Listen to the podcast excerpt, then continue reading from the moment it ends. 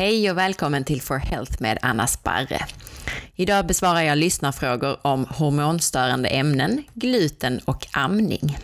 Om ni är nyfikna efter avsnittet så hittar ni mer information på forhealth.se, 4health.se. Vi kastar oss rakt på sak. Signaturen Frida skriver så här på bloggen på forhealth.se. Tack för en väldigt intressant podcast. Ett bra komplement till din fantastiska blogg. Jag har två frågor som du gärna får ta upp i en framtida podcast. I avsnitt 4 pratar du mycket om kroppens olika hormoner och hur det verkar. Jag har en son som är fyra månader gammal och jag försöker såklart att ge honom en så bra start på livet som möjligt. Det pratas mycket i media om olika hormonstörande ämnen som finns bland annat i plast, som kan orsaka olika sjukdomar. Hur tänker du kring detta? Finns det något som du alltid ser till att undvika? Andra frågan rör mat till små barn. Min BVC rekommenderar att ge gluten i mycket små mängder tre gånger i veckan för att allergi förebyggs om man samtidigt ammar. Jag försöker själv undvika gluten, men jag äter fortfarande ibland. Jag hade tänkt försöka undvika gluten helt det första året till min son, men senare i livet kommer han säkert att äta gluten. Kan det då vara bra att ha gett honom lite tidigt för att förebygga allergier? Till saken hör att jag själv har väldigt stark jordnötsallergi och försöker följa råd som sägs förebygga allergier. Det finns ingen i vår nära familj som är glutenintolerant. Stort tack på förhand, Frida. Tack så mycket för dina frågor Frida och vad roligt att du gillar både bloggen och podcasterna. Jag börjar med den första frågan som gäller hormonstörande ämnen. Det stämmer bra att det finns hormonstörande ämnen lite varstans i vår omgivning. Plaster är en stor bov, ja. Eh, det finns till exempel ämnen som liknar kroppens egna hormoner och på så vis kan fästa in i kroppens hormonreceptorer, alltså de som tar emot hormonerna. Och då kan de blockera för våra riktiga hormoner. Och kroppen kan också tro att, det helt plötsligt får väldigt, eh, att kroppen helt plötsligt får väldigt mycket av ett visst hormon. Och så är ofta fallet med östrogen, det kvinnliga könshormonet. Ämnen som liknar östrogen finns till exempel i mat i, i sojaprodukter, men också som en beläggning på insidan av konservburkar i form av bisfenol A. I Svenska Dagbladet eh, så gjorde man ett experiment med konserverad mat och undersökte just ämnet bisfenol A som liknar då östrogen. Och efter att ha ätit burkmat i två dagar så ökade de fyra reporternas halter i urinen av detta östrogenliknande ämne med mellan 2800 procent och 4600 procent. Alltså en enorm ökning. Och undersökningen gjordes med hjälp av forskare från Lund. Så så illa kan det vara. Och det man ska veta är att det här kvinnliga könshormonet östrogen, det drabbar ju även, även små pojkar såklart. Eh, med liknande ämnen, östrogenliknande ämnen. Men för att sammanfatta lite då om hormonstörande ämnen innan vi pratar om vad vi gör åt dem, så är det så att kemikalier i ditt hem finns i allt från soffan till schampot, leksakerna och även i köksredskapen. Och förr eller senare så kommer ämnen att avges från grejerna. Och då hamnar mycket till exempel i dammtussarna som du har hemma i hörnen, eller jag har i alla fall hemma i hörnen. Och annat avges till maten som du förvarar i plastburkar. Eller då i munnen på barnet som tuggar på de här plastleksakerna. Vi vet väldigt lite om många av de kemikalier som används idag, så det kan faktiskt vara ännu värre än vad vi tror. Eh, tidigare generaldirektören på Kemikalieinspektionen, Ethel Forsberg, hon uttalade sig på TV4 Nyhetsmorgon tidigare i år. Och Ethel hon säger att hon blev förbannad på hur vi kan tillåta så många kemikalier i vår omgivning. Och hon säger att det mörkläggs hur mycket och hur farliga kemikalierna faktiskt är. Och det gäller alltså helt vanliga kemikalier som vi får i oss och, är i kontakt med i vår vardag. Hon säger då eh, att det handlar om, om eh, bland annat överföringen i bröstmjölk. Och problemet är att vi som konsumenter inte får reda på vilka kemikalier det finns, bland annat i plasterna i vår omgivning. Det är i allt från matförpackningar till elektronikvaror och leksaker och annat. Och hon kopplar även många av våra välfärdssjukdomar till de här gifterna. Och du kan se det här klippet som med Etel från TV4 Nyhetsmorgon på forhealth.se. Men vad kan du då göra själv? Jo, några värstingar att plocka bort är PVC-golv som innehåller farliga mjukgörare. alla leksaker i mjukgjord plast och det är egentligen allt som är mjukare än lego. Nyare leksaker av hög kvalitet är oftast bättre än äldre i plast, eh, då det kom en ny lag 2007.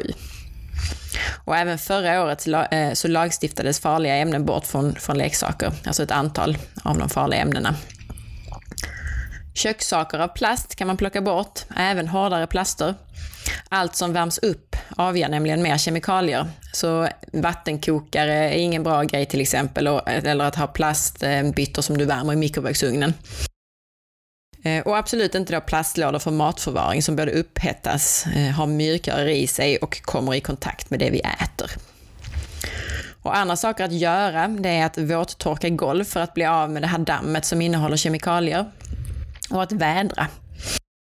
Och sen några ämnen att vara uppmärksam på är bland annat eftalater som är mjukgörare i plast, till exempel i leksaker, flipflops, golv och en del eh, målarfärg bisfenoler, som vi nämnde där innan, bisfenol A till exempel, i plasthinnan på insidan av konservburkar till exempel.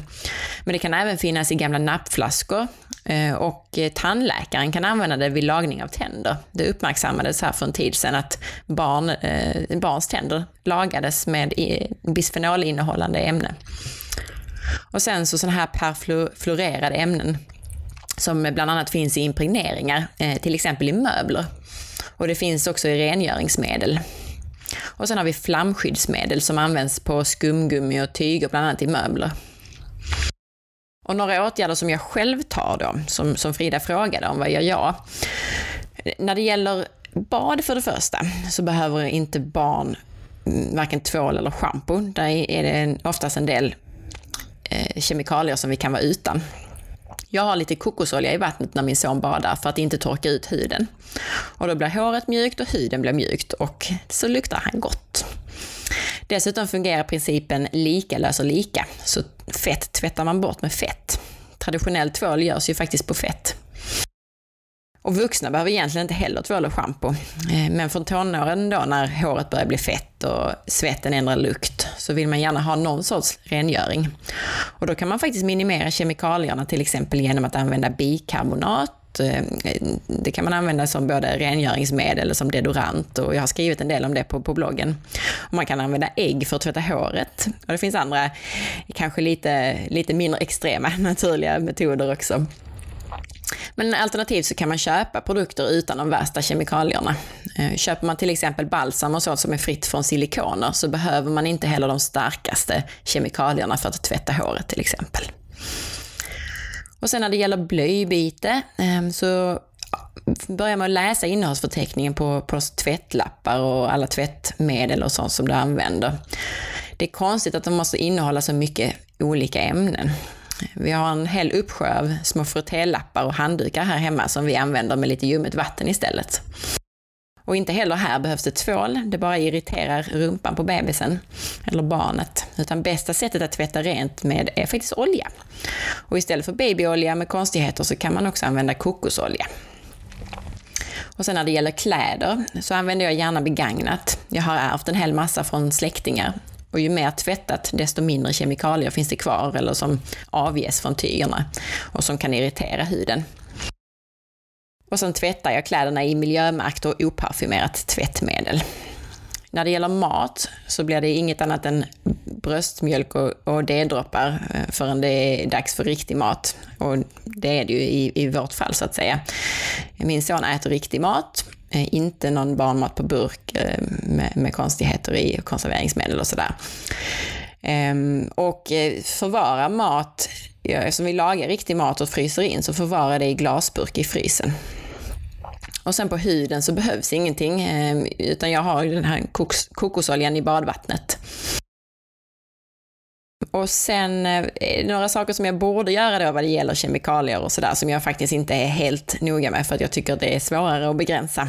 Då är det bland annat eh, när det gäller leksaker så är begagnat bättre än nytt eftersom det inte lossar så mycket plast och kemikaliedamm när det är väl använt. Men som jag nämnde innan så har, är, om man nu ska ha plastleksaker så har det kommit nya bättre kemikalielagar för leksaker efter 2007 bland annat. Och sen högkvalitet är bättre då som sagt och trä är bättre än billiga plastprylar. Och dessutom så gillar faktiskt min son eh, de här trä-brio-leksakerna eh, bättre än, än plastleksakerna. Så de är säkert bra av andra anledningar också.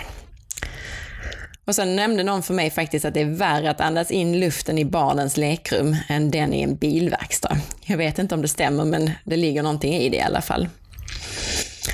Och sen impregneringar borde jag också ha kollat upp bättre. Kolla upp vad madrasser, mattor och så vidare innehåller innan man stoppar in det i barnrummet. De är ofta yt ytbehandlade med olika konstigheter. Och det gäller eh, också overaller och regntäta material. Och sen har vi rengöringsmedel. Det finns naturliga lösningar till det mesta. Allt från att skrubba golv med rapsolja och bikarbonat till naturliga diskmedel. Och googla runt lite så hittar man massor med sådana här husmorsknep. Jag är som sagt inte helt duktig på detta ännu.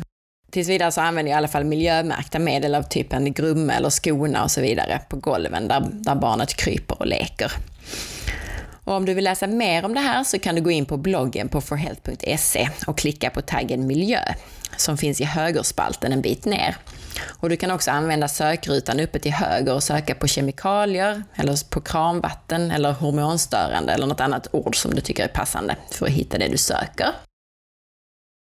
Den andra frågan då. När det gäller gluten så är det så att det gör tarmen mer genomsläpplig. Frågan gällde ju det här om, om hur man ska introducera gluten. Och barns tarmar, de är inte ens färdigutvecklade så de är mer känsliga än en vuxnes tarm. Och 2011 så skrevs det om en studie, Teddy-studien, som bland annat visade att svenska barn har glutenallergi i större utsträckning än barn i andra länder. Och detta är kopplat till ett högre glutenintag i tidigare åldrar, bland annat genom välling. Barnens dagliga kostintag studerades i den här studien genom dagböcker som föräldrarna förde. Och resultaten visade att de svenska barnen får i sig gluten tidigare och dessutom har glutenallergi eh, i större utsträckning som sagt. I slutet av 1980-talet femdubblades plötsligt antalet nya fall av glutenallergi bland barn i Sverige. Och kostråden till nyblivna föräldrar ändrades så att barn skulle börja äta gluten i små mängder för att hinna vänja sig vid ämnet. Samtidigt minskades mängden gluten i den välling som ges till de minsta barnen och efter det så sjönk antalet barn med glutenintolerans till samma nivå som tidigare. Det finns ingen forskning egentligen som stör den här rekommendationen att amma medan man introducerar gluten. Man ska ju veta då att glutenintolerans inte är en allergi utan en autoimmun sjukdom. Så att man ammar för att förebygga allergier är en annan sak än att man ammar för att förebygga glutenintolerans. Och vad jag vet så finns det ingen forskning på just glutenintolerans kopplat till amning. Och då menar jag alltså om, om man undviker glutenintolerans genom att införa gluten medan man ammar. Men däremot så verkar det vara en fördel att introducera det långsamt istället för att helamma till exempel till sex månader och sen gå över till mjölbaserad välling. Så personligen så tror jag på att skona barnets tarmar från gluten så länge som möjligt, men att utsätta barnet för mycket små mängder ganska lång tid innan det till exempel börjar förskolan. Men då menar jag väldigt små mängder, inte ett kex om dagen eller så, utan min egen son äter inget mjöl, men om då hans pappa till exempel vill äta en hamburgare så får sonen smaka hamburgarkött med lite brödsmulor på till exempel. Min tanke är sen att att ge glutenfritt hemma, men att han får äta som de andra barnen i förskolan. Och då hoppas jag ju såklart att skolor och förskolor blir allt bättre på mat. Men detta är då min högst personliga approach, så det finns ingen tydlig kvalitetsforskning på hur man inför gluten på bästa sätt. En del statistik som det jag nämnde tidigare, eh, och det är det enda som, som våra kostråd bygger på egentligen.